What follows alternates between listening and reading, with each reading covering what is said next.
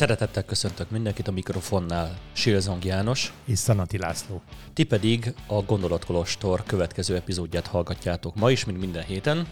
Ami egyúttal nem a szellemi remetesség, hanem a digitális remetesség otthona, ahogy a múltkor megfogalmaztuk. Igen, bár a szellemi remetességgel kezdtünk, kezdtünk, de megérkezünk a digitális remetességbe.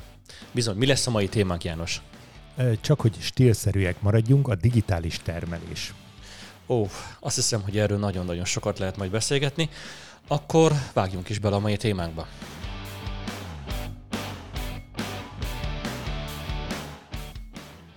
Arra gondoltam, János, hogy mielőtt elkezdenénk kicsit beszélni a digitális gyártásról, kicsit vezessük fel a témát azzal, hogy hogyan is jutunk el a digitális gyártásig, hiszen valahol megjelenik az igény, valahol megjelenik a tervezés. Az igény felmérésben ugye sokszor beszéltünk arról, hogy a digitális nomádok, azok a digitális emberek, akik gyakorlatilag mindenre a számítógépet használják. Nyilván sokat, sok helyen találkoznak kérdőívekkel, vagy mhm. pedig igényfelmérő lapokkal, hogy mit szeretnének. Szoktál te ilyeneket kitölteni egyébként? Te szereted az ilyen fajta ilyen kicsit marketing célú igen, marketing igen, dolgokat? Igen. A problémát megint jól fogod meg, mert marketing célú, és ebből nem nagyon lehet eldönteni, hogy rólam akarnak kifűz, kifürkészni valami személyes identitással kapcsolatos dolgot, vagy pedig a termékről. Emiatt van némi ellenérzésem. De ugye honnan jön a digitális termelés? Hát a digitális fogyasztásból. Ahhoz, hogy egy terméket meg tudjunk rendelni, kattintani tudjunk, azelőtt egy nagyon nagymérvű összetett folyamat zajlik, amit termelésnek hívunk, és ennek egy kezdeti eleme az igényfelmérés. A piac mit igényel, a fogyasztó mire vágyik. Általában persze a fogyasztóról beszélünk, de amikor fogyasztásról van szó, akkor talán minden gyárnak vagy vállalkozásnak az a célja, hogy megpróbálja személyisíteni azt az egy darab fogyasztót, akinek valamit el akar adni. Ebből a szempontból nyilván fontos az, hogy ugye Magyarországon a fogyasztó adatokat a különböző szabályozások miatt megfelelő módon kell tárolni.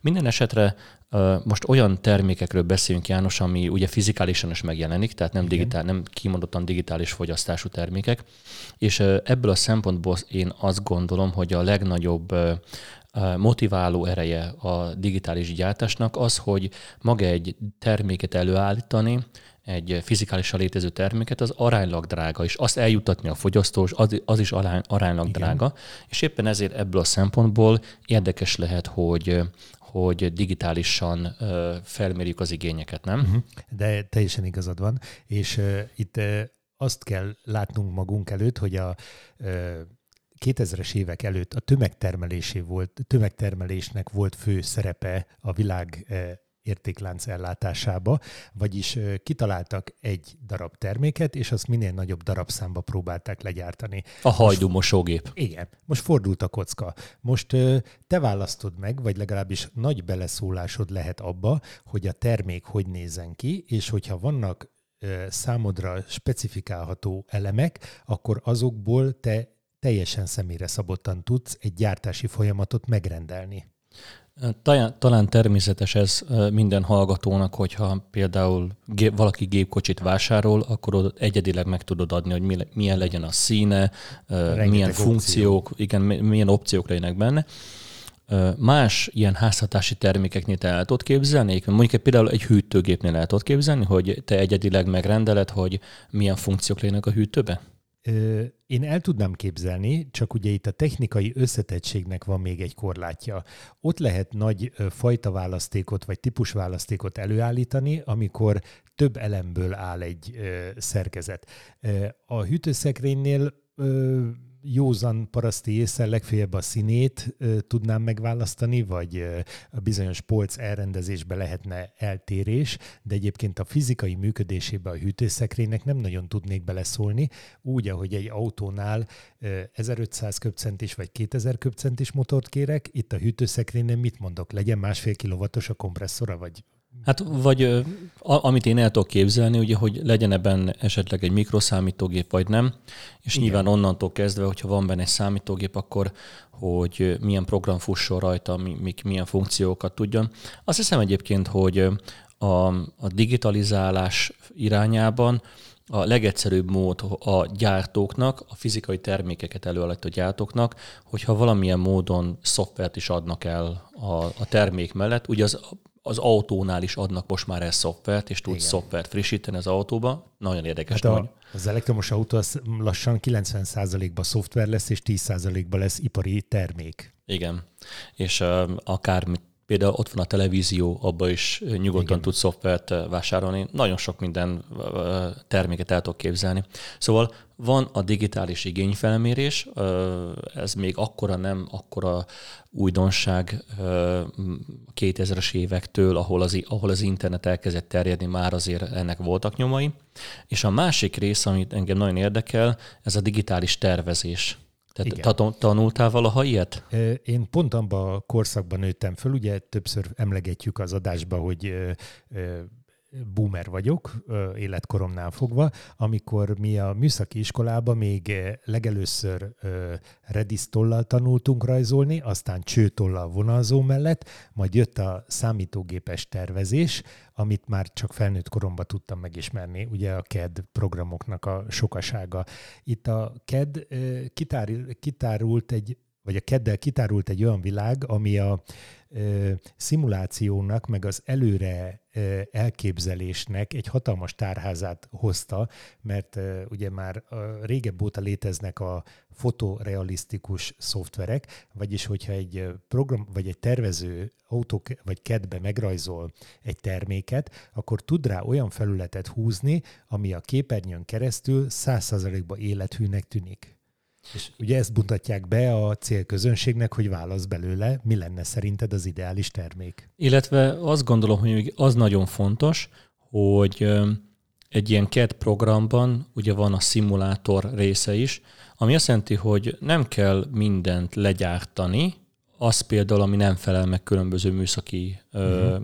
kihívások, követelményeknek, hanem egyszerűen csak a jó, jó darabot kell legyártani. Azért ezzel is szerintem nagyban csökkent a gyártásnak az idő, tehát időintervalluma is, meg a, meg a költsége is. A kockázat borzasztó mértékben csökkent. Hát ugye, ha régebbi autótervezőket maradjunk ennél a példánál, visszanézünk régebbi fényképeken, most nem jut eszembe a nagy olasz formatervezőknek a neve, de majd hát ha, Pininfarina meg hasonlók, akkor ők ugye agyagmodelleket, gipszmodelleket, famodelleket készítettek különböző méretarányba, és ebből próbáltak egy gyönyörű autót konstruálni.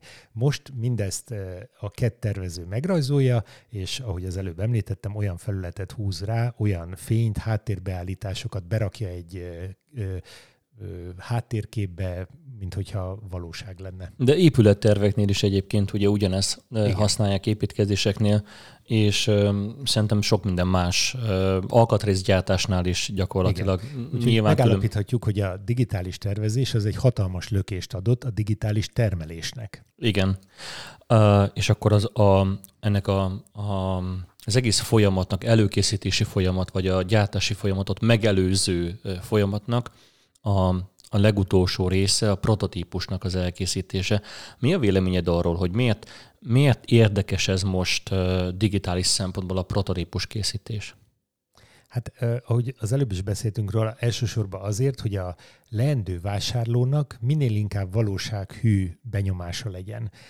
Ugye a, a, a vásárlás többfajta tényezőből állhat, impulzus vásárlás, valami tartalmi kellék követelménynek a felmérése, az érzések összessége adja ki, hogy neked valóban arra a termékre van-e szükséged.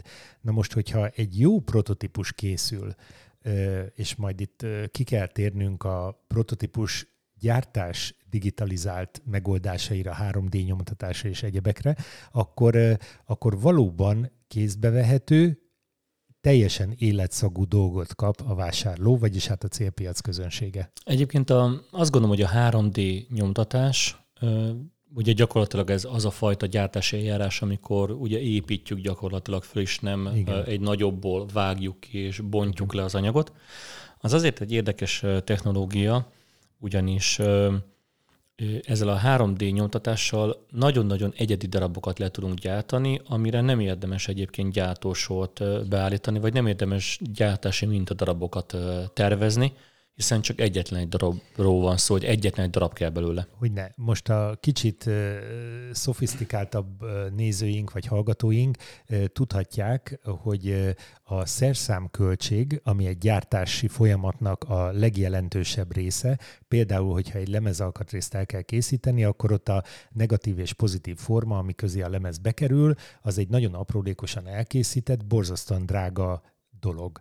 E, és abból ugye el lehet ki, ezzel le lehet gyártani több százezer milliós darabszámot. De hogyha ez a formavilág nem jó, akkor ezt a szerszám költséget kidobhatjuk, és újra kezdhetjük. Ezt hidalja át az általad előbb említett 3D-s gyártás. A, a, így a bevezetőben, nagy felvezet, témafelvezetőnek az utolsó nagy kérdése, János, feléd, hogy a, mit gondolsz, hogy te milyen konkrét, digitálisan gyártott termékeket használsz? Hát ez nagyon jó kérdés, mert most azon gondolkodom, hogy fordítva kéne föltenni a kérdést. Milyen terméket veszek, ami nem digitálisan készül? Mert most úgy gondolom, hogy az a kevesebb, hiszen a, a fokrémtől kezdődően bármit, amit a kezünk ügyébe fogunk a mindennapi használati ö, tárgyaink közül, azok mind-mind digitálisan készülnek. Ugye itt az jöhet számításba, hogy a úgynevezett kézműves termékek, a manuálisan gyártott régi időkre visszavezethető szakmai ügyességeken alapuló termékek jöhetnek szóba, és őszintén egyet nem tudok mondani, amit a mindennapjaimban használok, és ilyen termék. Egyébként én azon gondolkodtam az előbb, hogy valami élelmiszeripari terméket kellene mondani, de aztán közben rájöttem, hogy az élelmiszeripari termékek is nagy gyárakban készülnek, Igen. tehát valószínű, hogy annak is van köze a digitális gyártáshoz. Például eszembe jutott a, a, a Szent Királyi nak a története, gyakorlatilag Igen. ugye palackozott vizet árulnak, és annak idején, amikor a Balog Levente úr a Szent Királyit átvette az édesapjától, akkor azt mondta, hogy őnek az első intézkedés az volt, hogy a, a Európa, vagy talán a világ legprofessionálisabban működő digitális palackozó üzemét, gyárát rendelte ide Magyarországra. Tehát, hogy például ott van a palackozott, palackozott víz, amit egy, egy digitális gépsoron, Igen. digitális gyártósoron Tehát gyártanak. Ennél a példánál maradva a kézműves szappan lehet az egyetlen, amit használok tusoláskor, és az mondjuk manuálisan készülhetne. De mondjuk lehet, hogy annak is, igen, egyébként igen. a maga, maga a kézműszappan. Hát ennyi felvezető után akkor kicsit kerülgessük meg a témát, és beszéljünk a digitális termelésről. A digitális termelés egyébként ott több részből áll, ugye? És ahhoz, hogy ezt körbe tudjuk járni, valahogy körbe kell járnunk az ipar 4.0-at, az ipari forradalmakat, jó? És akkor mm. kezdjünk ezzel az ipari forradalmakkal. Azt gondolom, hogy a hallgatóinak szerintem nagy része tisztában van, vagy legalább hallotta azt a fogalmat, hogy ipar 4.0, de hogy hogy jutottunk el az ipar 4.0-ig. ipar 1.0 az nehezen fölidézhető. Igen, nehezen fölidézhető. Az ipar 1.0 1784-nél járunk a Miért, miért, miért jött az ipar 1.0, János? Hát szerintem csak a gőzgépnek köszönhetően, amikor az emberi erőt, emberi és állati erővel készül, vagy bonyolított termelést ki tudta váltani egy olyan mechanikus eszköz, a gép, a gőzgép, ami jóval nagyobb erőt volt képes bevonni a termelésbe. Meg hát valószínű, hogy a gőzgép akkor tudott már többet is dolgozni. Nyilván az emberek elfáradtak egy idő után. Persze. És, Hosszabb ideig dolgozott, nyilván a beruházási költségek nagyok voltak, de a termelékenysége nagyon nagy volt, az általa kifejtett erő az hatalmas, többszöröse az ember állat erőjének, így többet is tudott gyártani, és hatékonyabban is. Az ipar 1.0 után logikusan következik az ipar 2.0. Hát ott pedig az áram bejövetele a termelésbe, a villamosság jelentette a korszakalkotást. Ugye a gőz technikának már nagyon-nagyon kifinomult mechanikai megoldásai voltak, tehát hogyha most például gépészmérnöki tudással visszatekintünk egy gőzgépre, és csak gondoljuk meg egy gőzmozdonynak a működését, hihetetlen ügyes, ravasz megoldások voltak. De hát ezt mind kiváltotta a villanymotor. Jóval kisebb térfogatba, jóval nagyobb erővel. Illetve ami még talán a Ipar 2.0-nak az egyik vívmánya, ez a gyártósor, gyakorlatilag Igen. ugye visszaemlékszünk ugye a Ford tökéle, tökéletesítette, hogy hogyan lehet fázisokra bontani a gyártást, és így aztán egy-egy fázisnak az elvégzését tökéletesen csinálni, és úgy a végén kialakítani nagyon-nagyon sok hasonló terméket gyakorlatilag. A tömegtermelésnek egy, egy, egy bölcsője. Azaz, viszont szegény Charlie Chaplin, amikor hazament a Modern Gyár filmből, akkor ugye emlékszünk, hogy a villás kulcsa való húzogatás benne marad a kezébe. Tehát itt a, az embert degradálta a sorozatgyártás egy részelemére, kvázi biorobotot képzeltek már, csak nem ezzel a illetfölfogással a gyártósor mellé. El, el nem tudom egyébként képzelni, hogy abban az időben, amikor megjelent ez a ez a munka környezet és ezek a feladatok, és amikor emberek jelentkeztek rá, hogy akkor, akkor én is egész autógyári munkás igen. akarok lenni, hogy ők belegondoltak ebbe, hogy mondjuk egy egész élet alatt valaki valamelyik autógyárba, Detroitba, uh-huh. és akkor ott fog dolgozni, és minden nap ugyanazt fogja csinálni. Hát az a szörnyű, Laci, hogy most ugye a modern világunk modern autógyáraiba, majd ide is el fogunk jutni, ez a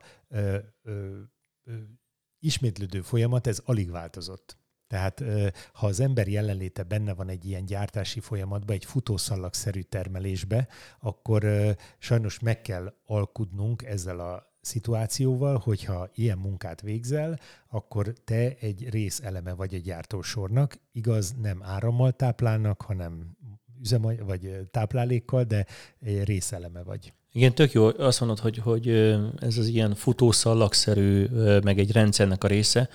A, a legtöbb, a legtöbb vállalat egyébként ezen az elven működik. Tehát az alapelv, hogy egy nagy gépezetnek egy, egy kis kisebb része, egy kis Igen. fogaskereke vagy gyakorlatilag, és a nagy gépezet adja ki majd azt az értéket magában. Ez, ez egyébként most is így van. A, a következő állomáshoz egészen elröpülünk 1969-ig, amikor is az ipar 3.0 megjelent, ami azt jelentette, hogy ez nyilván hozzád áll közelebb, amikor a programozható dolgok elkezdtek belépni a gyártásba, és nem egy mechanikusan vezérelt gyártási folyamat volt, hanem bizonyos lépéseket, elemeket a gyártásnak, azt egy programozott művelet sorral ki lehetett váltani, vagy szabályozni lehetett. Na itt, itt már egyébként azt gondolom, hogy két fontos dologról kell beszélni. Az egyik a nagyon finom mechanikai megmunkálások, ezek a nagyon-nagyon pontos tized, század, ezered milliméter pontosságú megmunkálások, amit azért hm, szerintem kézi vezérléssel nagyon nehéz elérni. A másik pedig az, hogy gyakorlatilag össze lehetett kapcsolni gépeket egy soron, amik gépek egymás után legyártanak egy eszközt. Mondjuk például gondoljunk egy autógyárban, a főtengelynek a gyártását 5-6 fázisban végzik el, mikor a, a ugye a kezdeti munkadarabot, vagy a kezdeti alapanyagból kijön a végén a, uh-huh. a munkadarab, és az is különböző köszörű és különböző ilyen CNC gépeken um, a végén, végén kijön a, a, a végleges. Elég sokáig tartotta magát az ipar 3.0, mert uh, ugye én emlékeim szerint csak egy pár éve beszélünk az ipar 4.0-ról. Abszolút egyébként. A, mikor, mikortól, mikortól beszélhetünk? Illetve hát. az ipar 4.0 nagyon sok, nagyon sok beceneve van.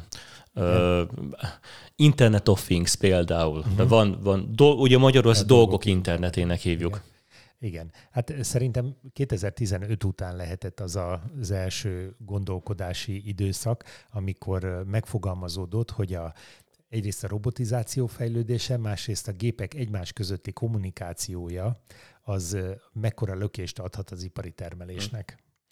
A, az ipar 4.0-ával kapcsolatban az, hogy pontosan milyen um, milyen elemeket tartalmaz, mit lehet automatizálni még egyébként, erről kicsit később fogunk még beszélni, de még mielőtt erre rátérnénk, um, azt mondja, hogy a Európai Parlament 2016-ban fogalmazott meg egy állásfoglalást, amelyben azt írják, vagy azt mondják, hogy az ipar 4.0 a termelési folyamatok olyan szervezését írja le, amelynek keretében az eszközök önállóan kommunikálnak egymással, hmm. az értéklánc mentén a jövő egy olyan okos gyárát hozva létre ezzel, amelyben a számítógép vezérelt rendszerek nyomon követik a fizikai folyamatokat, létrehozzák a fizikai valóság virtuális mását, és decentralizált döntéseket hoznak önszervező mechanizmusok alapján. Ez egy nagyon szép kerek mondat egyébként. E, nagyon szép, egy kicsit szörnyen is hangzik, gondolom a hallgatóink számára, hogyha megpróbálják így visszakövetni a tartalmát. Szerintem ennek egy mondani valója van, az ember egyre inkább kimarad a folyamatból. Nekem, tudod, mi szóltam meg? Nekem a decentralizált döntési folyamatok, uh-huh. ugye közgazda, közgazdas, közgazdaságtanból volt egy kurzusom a management része gyakorlatilag, uh-huh. és nagyon-nagyon érdekes kérdés az, hogy egy szervezet szervezésében a döntéseket kik, kik hozzák meg, és ezek a döntések utána milyen hatással, milyen felelősséggel fognak járni, és a döntés és a felelősség mindig együtt jár Ezt gyakorlatilag. Ebből a szempontból egy szervezetben mindig beszélhetünk döntési struktúrákról, akár ilyen hierarchikus rendszerben van, vagy akár decentralizált rendszerben. És amit érdekes, hogy a, a felelősségről viszont nincs szó. Tehát, hogy mhm. amikor a gépekről beszélünk, oké, okay, ők hoznak valamilyen döntéseket, de nem tartoznak felelősséggel. Nem teljesen ide vág a példa, de az úgynevezett önvezető autók kategóriájában pont ez a legnagyobb dilemma, hogy kié a felelősség, az autóé vagy a vezetőjé. Most ugyanezt át tudjuk vinni egy gyártási folyamatra is, hiszen hogyha nehézséget támad a gyártási folyamatnak, bármi ö, műszaki okból például egy hiba következik be, ezt felismeri a rendszer, akkor hogyan képes ennek az önkorrekciójára? Tehát ő maga egy korábbi lépés sorozatba vissza kell, hogy avatkozzon, be kell, hogy avatkozzon, és újra föl kell építeni a jó gyártást. De hát ez lassan már a mesterséges intelligenciának a szintjét kell, hogy súrolja. Te el tudod egyébként képzelni, hogy van egy gyár, most, Igen. most teljesen mindegy, hogy melyik iparágra gondolunk, egy termelőgyár, és az a termelőgyár az teljesen önállóan működik, nincs ember a közelben, és, és az, a, az alapanyagokat mondjuk tételezzük hogy megfelelő mennyiségben mm. odaszállítják, hogy az alapanyag ellátás legyen.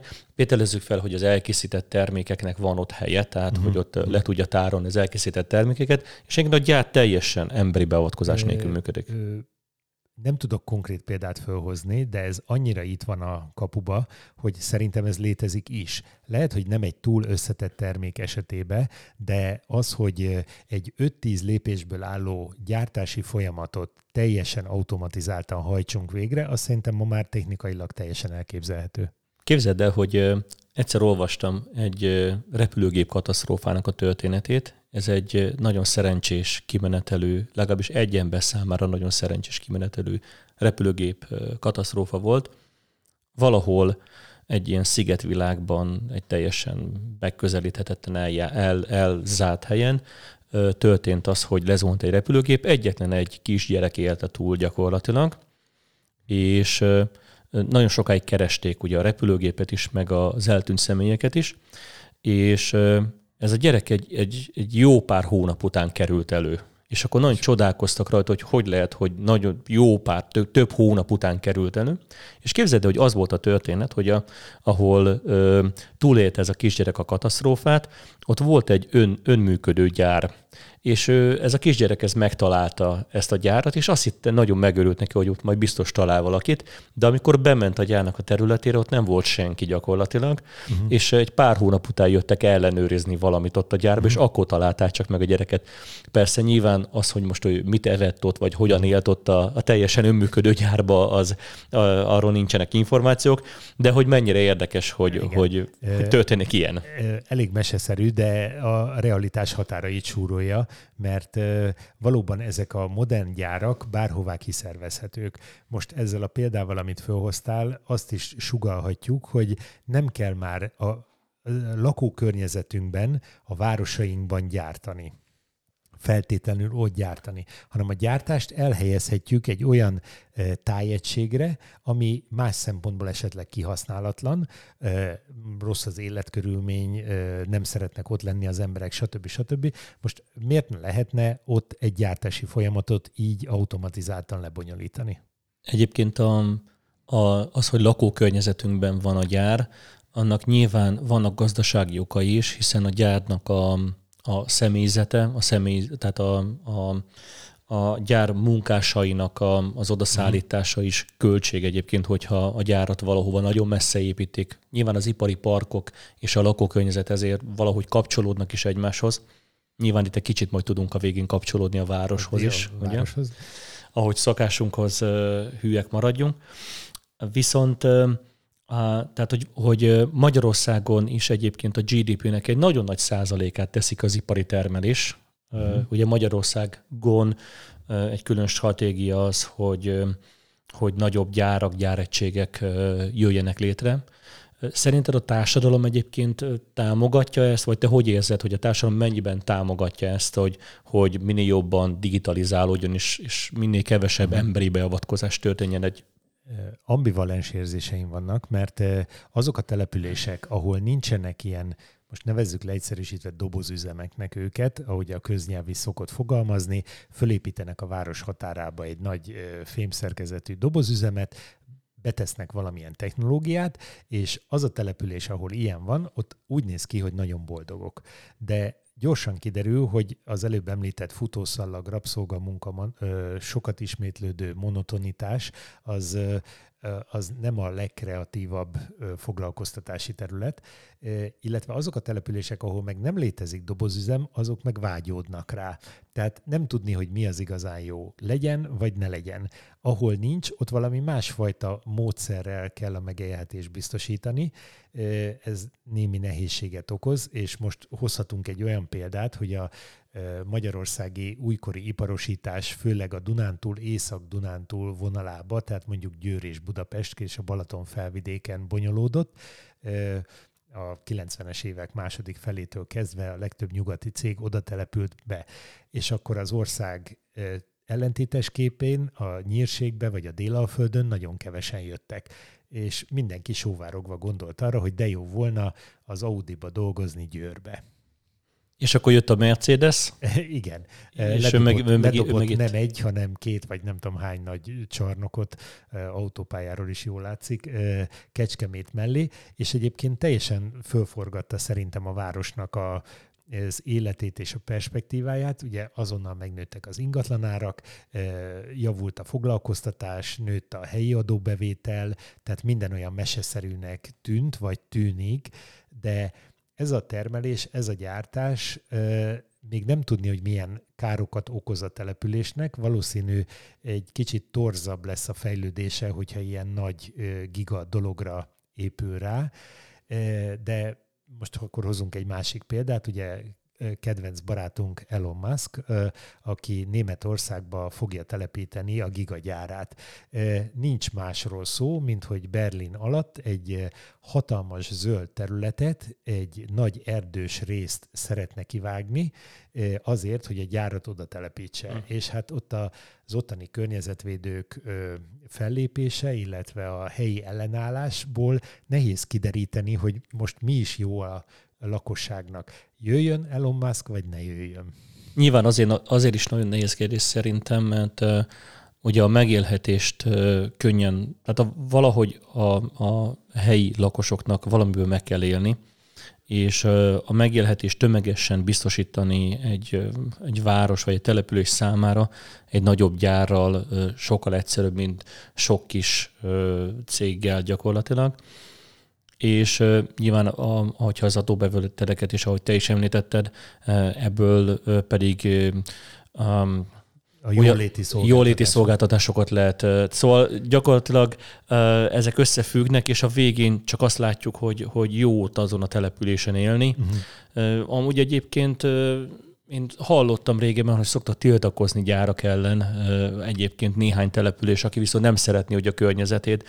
Most utoljára azt hiszem um, az őrségbe volt egy település, aki tiltakozott. Uh-huh. A településnek az volt a, az a karakterisztikája, hogy az egy nagyon-nagyon csöndes település, uh-huh. és mhm. oda az emberek uh-huh. általában így elcsöndesedni, és így kicsi szemlélni a környezetet igen. azért járnak, és ebből ott jól megélnek, és ott egy nagyobb gyárat akartak fölhúzni, uh-huh. gondolván az, hogy a helyi lakosoknak milyen jó, hogy akkor tudnak hol dolgozni, és lesz jó megélhetésük. Hát lehet, hogy ezért kellene a társadalmi berendezkedésünket is egy kicsit formálni, és ahogy fölhoztuk példának, olyan területekre kellene minél automatizáltabb gyárakat tenni, vinni, ahol az életkörülmények nem annyira ideálisak, és azt ki tudnánk egy jobb, nemesebb célra használni.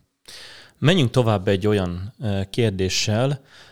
Magyarországon is, és szerintem a, a világ más, vagy Európa más területein is létezik az ipar 4.0 mintagyár gyakorlatilag, uh-huh. ahol bemehetsz a, a gyárba, és megnézegetheted azokat a technológiákat, amiket, amiket egy ilyen gyárba lehet összességében vagy egy, egy, egyesével használni és összeépíteni, és ebből lesz ezeknek a technológiáknak az összességéből lesz majd egy nagyon szuper gyár. Nézzük meg, hogy milyen, milyen technológiák, vagy milyen típusú technológiákról van szó. Ugye lehet itt beszélni gyártás vizualizációjáról, amikor az azt jelenti, hogy a termelési és erőforrás adatokat való, valós időben gyűjti valami rendszer gyakorlatilag, hmm. és ezt megjelenti, megjeleníti. Aztán van ugye az ellátási lánc vizualizációja, amikor az alapanyagok és a késztermékeknek valós idejű monitorozása, aztán az ellátási lánc kollaborációja, amikor arról van szó, hogy ha valamelyik alapanyag nincs készleten, akkor, akkor gyakorlatilag meg tudja rendelni maga a gyár aztán ugye készlet optimalizálás, ugye korábban mindjárt az elején, az egész műsor elején említettük, hogy míg a fogyasztó asztalára jut egy termék, azért nagyon-nagyon hosszú úton kerül oda, erről már egy korábbi uh-huh. adásban is beszélgettünk. Tehát az ellátási lánc és a készletnek a tervezése, optimalizálása, beszerzése, ami engem nagyon-nagyon érdekel, ez a prediktív karbantartás ez ilyen megelőző karbatartás, hogy ne romoljon el a gyár? Ez nem azt jelenti egyébként. Az, az informatikai rendszereknél is használják különben, Igen. de a gyártó berendezéseknél arról van szó, például gondoljunk arra, hogy van egy forgácsoló gép, Igen.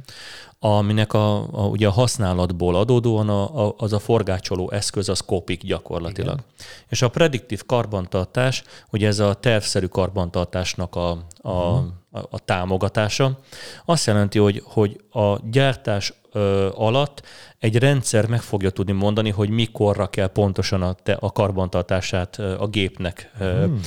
beütemezni, és így előre vetítve ezt gyakorlatilag egy sokkal jobb, optimalizáltabb, ugye történhet az, hogy van egy gyártási lánc, és akkor kiesik az egyik elem, akkor lehet, hogy az egész, egész szalagot, vagy az egész láncot le kell állítani hozzá, és ez így gyakorlatilag ezt de támogatja. Akkor, bocs, hogy közbeszólok, de nagyon nagy léptékkel haladunk a robotok irányába, a robot, robotizáció irányába. Abszolút úgy gondolom egyébként, hogy, hogy, hogy ez a, a gyártásban abszolút ez a, ez a jövő.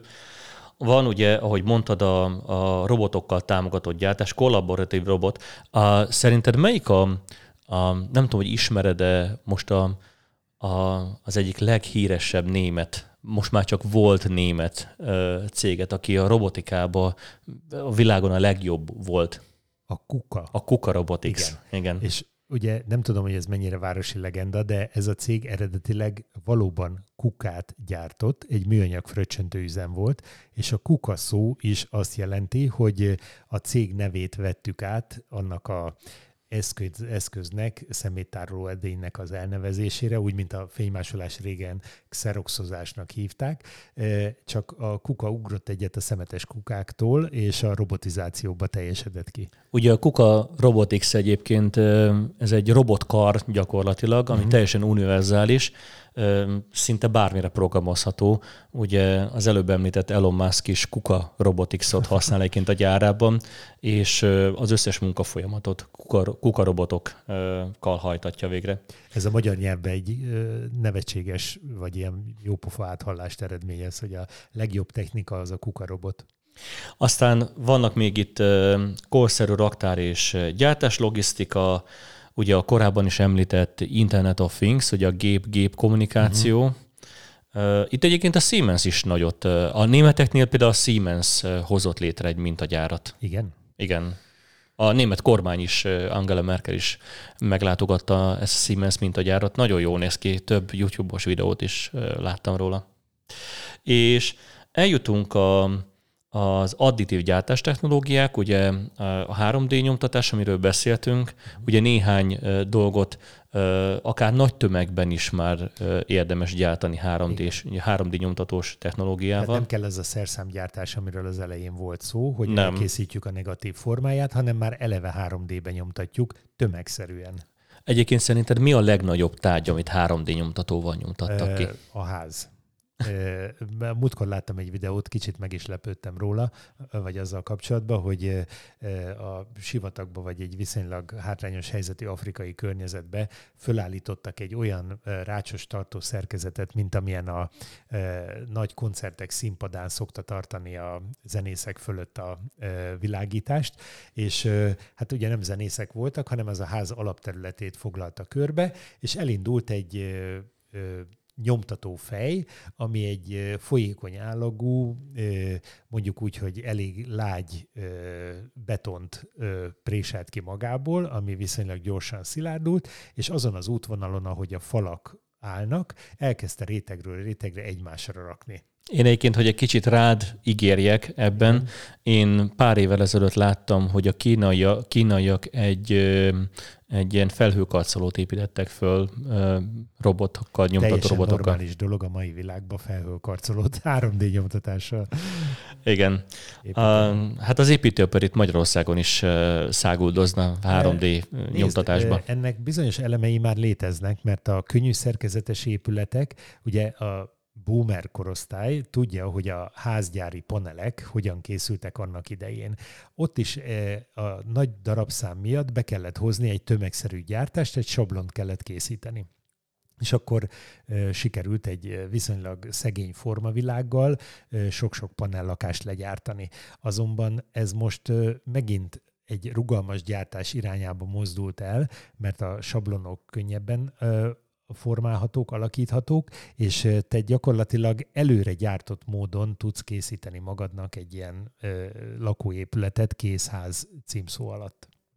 Egyébként, hogyha bárki kíváncsi arra, hogy ezek a modern gyárak hogy néznek ki, akkor uh, itt talán érdemes megemlíteni, hogy uh, Magyarországon a a Innovációs és Technológiai Minisztérium létrehozott egy rendezvény sorozatot igazából, egy év, uh-huh. évente egyszer rendezik meg, ez a modern gyárak éjszakája. Úgy, mint a múzeumok? Úgy, mint a, igen, mint a múzeumoknál gyakorlatilag. Rengeteg gyár csatlakozott ehhez a kezdeményezéshez. Így gyakorlatilag regisztrálsz egy honlapon, és akkor uh-huh. különböző gyáraknak a különböző látogató programjait tudod megnézni. Idén egyébként negyedszerre rendezte meg a minisztérium ezt a programot. Idén sajnos online módon volt uh-huh. elérhető. Egyébként csak egy ilyen érdekesség, hogy ugye több mint 50 gyár csatlakozott Magyarország szerte. Hogyha itt kicsi kis környezetünket nézzük, akkor szerinted milyen gyár van itt Szeged környékén, akik ehhez csatlakoztak? Most direkt nem Jó. zoomolok rá a térképre. Igen. Jó kérdés. Hát képzelném, hogy valami modern technológiát alkalmazó gyár, gumigyár, Vagyis hát a Continental, vagy... Vagy a Seplast. Vagy például. Aha. Va, vagy az. De egyébként kíváncsivá teszi az embert, hogy kik azok, mert az Most nem biztos elmélyként, hogy, hogy a legmodernabb gyártási technológiát használó uh-huh. gyárak csatlakoznak ez a programhoz. Szerintem az nem, nem feltétel, hogy a, akik a legmodernabb technológiát használják. Értem. Csak ugye a boomerek korosztályában a gyártási technológia az egy titkos dolog volt. Tehát gyártási titkot lopni az főbejáró bűn. Ugye Japánnak a feltörekvését is azzal magyarázzák, hogy el tudta lopni azokat a gyártási titkokat és fogásokat, főleg az amerikai Egyesült Államokból, amit utána nagyon okosan, újra gondolva, japán mentalitással személyre szabva elkezdett termékeket gyártani. Most akkor ezek szerint a gyártási folyamat az nem titok többé? Hát szerintem, mivel hogy egyre több az informatika ebben a, a, uh-huh. a területben, a szoftver az, hogy hogyan írod meg azt a szoftvert, az nyilván nem fog látszani. Hogyha látsz egy mondjuk egy CNC marógépet, és egymás után van mondjuk hat CNC marógép, és azok marják a különböző felületeket, Igen. abból még nem fog neked kiderülni, hogy azt hogyan csinálják. Uh-huh. Tehát akkor a, a gyártási elemek tipizálódtak, azt bárki beszerezheti az a piacról. Bárki. Például a Kuka Robotics-tól. igen, és akkor hiába veszek én otthonra a garázsba öt darab Kuka Robotics-et, a félkarú műveleteivel mit fogok összerakni belőle? Hát Tehát te... ahhoz kell a tudás. Igen, még egy Teslát nem fogsz tudni. Még nem tudok. Oké, okay, nézzük meg akkor Szegeden mi lehet ez, jó? Az egyik szerintem nem lesz meglepetés, ez nekem se volt különben Uh-huh. A, bocsánat, nem erre gondoltam. Um, Mert hogy ez Makón van, és akkor említsük meg, hogy egy uh, igen. Itt, uh, ha jól tudom, akkor ez a cég kandallókat és tüzeléstechnikai berendezéseket gyárt. Igen, kicsit arrébb csúszott a kezem, én Szegeden akartam megmutatni. Igen, itt az egyik cég az nem lesz. Florin. Igen. Uh, ők most egyébként egy nagy beruházást is elnyertek Szegeden. Uh-huh. Az igazság, hogy a Florinról mindig az ilyen ö, ö, gügye 80-as évekbeli ö, tisztítószerek és ö, háztartási illatszerek meg egyebek maradtak meg bennem, de valószínű akkor a technológiai fejlődés itt is hozott egy áttörést, és a termékpaletta is megváltozott. Hát ugye ők, ők most már az ilyen ipari tisztító szerekben, illetve a, mm, ugye a Covid idején a, a különböző feltétlenítő szerek gyártására is. Egyébként én láttam velük egy riportot, képzeld el, és büszkén mondták, hogy mivel hogy nemrég modernizálták a gyárukat, Igen. ezért a korábbi nem tudom milyen tisztítószer gyártószalagot nagyon könnyű volt átállítani feltölteni Ez egy jó téma, és most ugorjunk egy kicsit nagyobb dimenzióba, hogy a modern gyárak, még hogyha név szerint említjük is őket, akár a tisztítószertől, a betontól, a gumigyáron át a tüzelés technikai gyárig, és most ne használjunk akkor több vállalatnevet vagy cégnevet, szerintem arra alkalmasak, hogy a, ruga, a gyártási rugalmasságuk révén nagyon könnyen át tudnak állni. És hogyha a piaci igények változnak, akkor ez az átállás, ez jóval kevesebb költséggel és technikai fáradtsággal jár. Abszolút. Abszolút. Úgyhogy szerintem is egyébként ez a jövő. Én azt gondolom, hogy a jövő a változásról mm-hmm. szól, és minél több változás, minél rövidebb idő alatt fog bekövetkezni gyakorlatilag. Úgyhogy mint az egyéneknek, magánemberként a vállalkozásoknak erre kell beállni, hogy minél gyorsabban le tudják követni. Aki gyorsabban tud adoptálódni, az fog maradni. Igen, mert a piaci változások jönnek, a vásárló igények folyamatosan változnak, a, a minőség iránti fokozódó igény az utat tör magának, és ebbe a gyártást kell jól megszervezni. Há, egészen pontosan. Nagyon elszaladt az időnk, nagyon érdekes témát feszegettünk, de még egy kérdést mindenképpen bedobnék, méghozzá, hogy mégis a városhoz mi köze van ennek, ugye?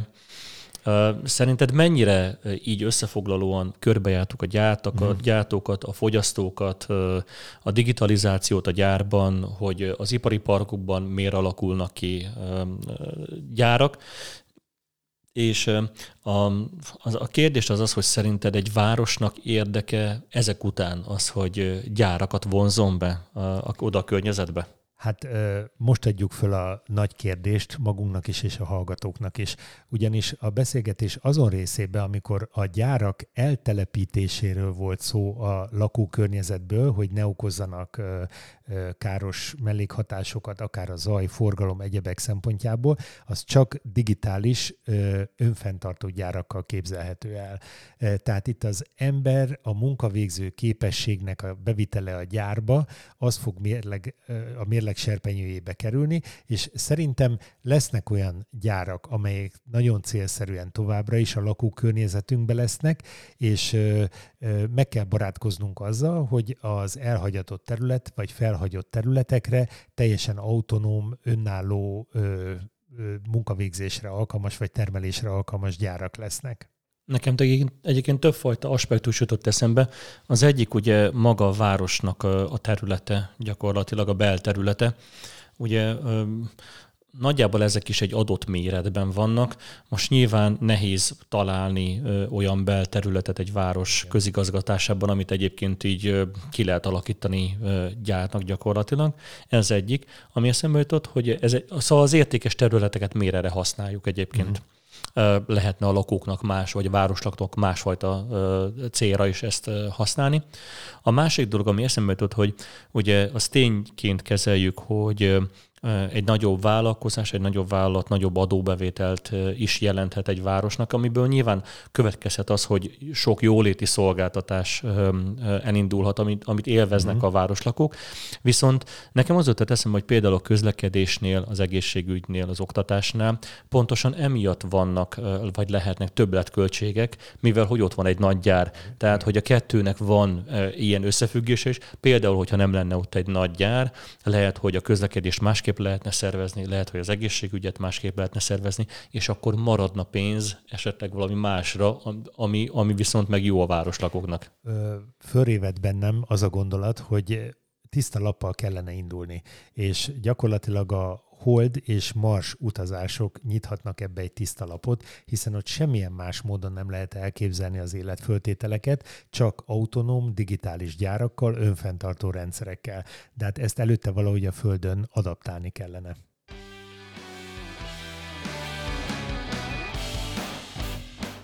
Kedves hallgatók, ti a mai nap a digitális gyártásról, a, digitális, a gyárak digitalizációról hallottatok egy érdekes adást végigtekintettünk egy hosszú folyamatot, a technika történet kezdetétől napjainkig, és egy kicsit már a jövőbe is bepillantottunk. Megvizsgáltunk különböző aspektusokat, hogy miért, hogyan jelentkeznek a digitális igények, mi történik a gyártás előtt, a gyártásban miket lehet digitalizálni. A fogyasztók erre hogyan reagálnak? És a végén egy kicsit reagáltunk arra is, hogy a, a városnak mennyi vagy milyen érdeke lehet abban, hogy gyárak szülessenek a városi környezetben. Nagyon szépen köszönjük a figyelmeteket.